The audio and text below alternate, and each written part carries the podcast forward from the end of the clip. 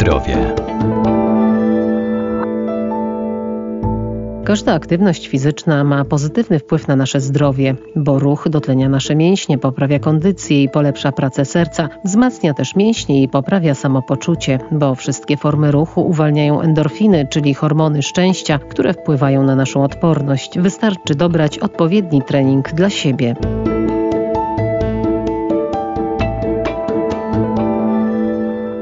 Trening to pewien proces, który połączony z właściwym odżywianiem może zwiększać masę mięśniową czy też redukować poziom tkanki tłuszczowej, a każdy rodzaj ma swoje przeznaczenie. Dobierając ten właściwy, osiągniemy zamierzone cele. Aby treningi jednak przyniosły efekty, należy ćwiczyć regularnie. Treningi trudno powiedzieć, że dzielimy w jakiś sposób bo spotkają się Państwo z przeróżnymi opisami. E, natomiast najczęściej rzeczywiście mamy coś takiego jak trening siłowy, trening aerobowy, trening cardio, trening interwałowy i możemy to zastosować w różnych aktywnościach. Instruktor rekreacji ruchowej Marta Szczecina-Nowosad. Interwał na ogół polega na tym, że mamy jakiś tam moment aktywności mocniejszej, czyli na przykład pracujemy tak, że przez minutę bardzo szybko idziemy albo biegniemy tak, żeby złapać prawie zadyszkę, żeby organizm mocniej popracował, a potem na przykład minutę idziemy spokojnie, relaksujemy się, próbujemy wyrównać tempo, złapać oddech.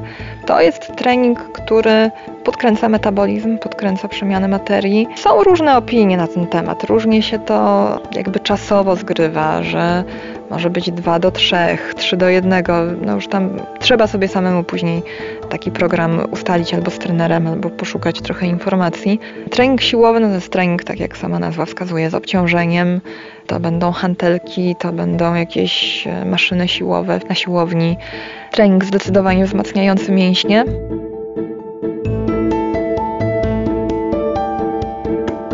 Na zdrowie. Trening aerobowy, nazywany inaczej cardio, pozwala zgubić zbędne kilogramy, redukuje też poziom stresu. Najlepszym sposobem na rozpoczęcie przygody z cardio jest zwykły spacer czy też Nordic Walking. Trening aerobowy czasem się mówi, że cardio, to jest trening, e, gdzie pracujemy w takich tlenowych zakresach tętna, czyli jeszcze nie łapiemy jakiejś mocnej zadyszki. No, tętno nam przyspiesza, oddech też przyspiesza, ale jeszcze jesteśmy w stanie mówić, jeszcze jesteśmy w stanie w jakiś sposób komunikować się ze światem, nie myśleć tylko o tym, jak przetrwać.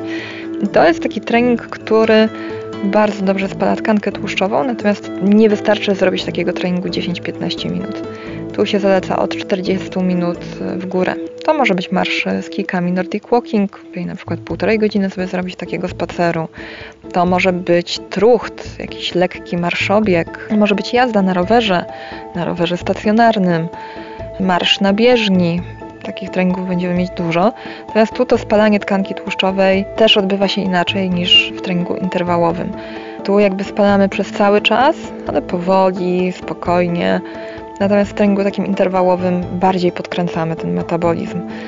I znów, żeby sobie dopasować do tego, co jest nam potrzebne, najlepiej by było z instruktorem, z trenerem ustalić lub samemu poszukać tych informacji. W tej chwili nawet w internecie jest dużo, oczywiście sprzecznych, więc na to też trzeba uważać, ale jest już troszkę takich różnych. Naprawdę da się znaleźć dużo literatury fachowej na ten temat, nawet w takich zwykłych sklepach z książkami i spokojnie sobie taki trening można ustawić. Natomiast warto pamiętać, że jak zabieramy się za jakiś trening i chcemy się zabrać do tego na poważnie, dobrze jest sobie najpierw zrobić badania, sprawdzić krew, e, morfologię, cukier. To jest też fajna rzecz. Często po treningu ten cukier zacznie nam troszkę spadać, bo trening jest profilaktyką dla cukrzycy.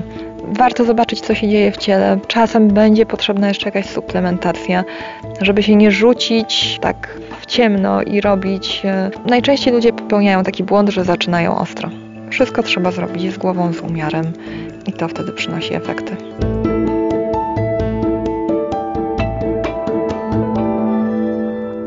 Przy każdym wysiłku fizycznym należy uzupełniać płyny i nawadniać organizm, a podczas uprawiania sportu na świeżym powietrzu warto pamiętać o odpowiednim ubraniu dostosowanym do pory roku, wykonywanych czynności oraz pogody.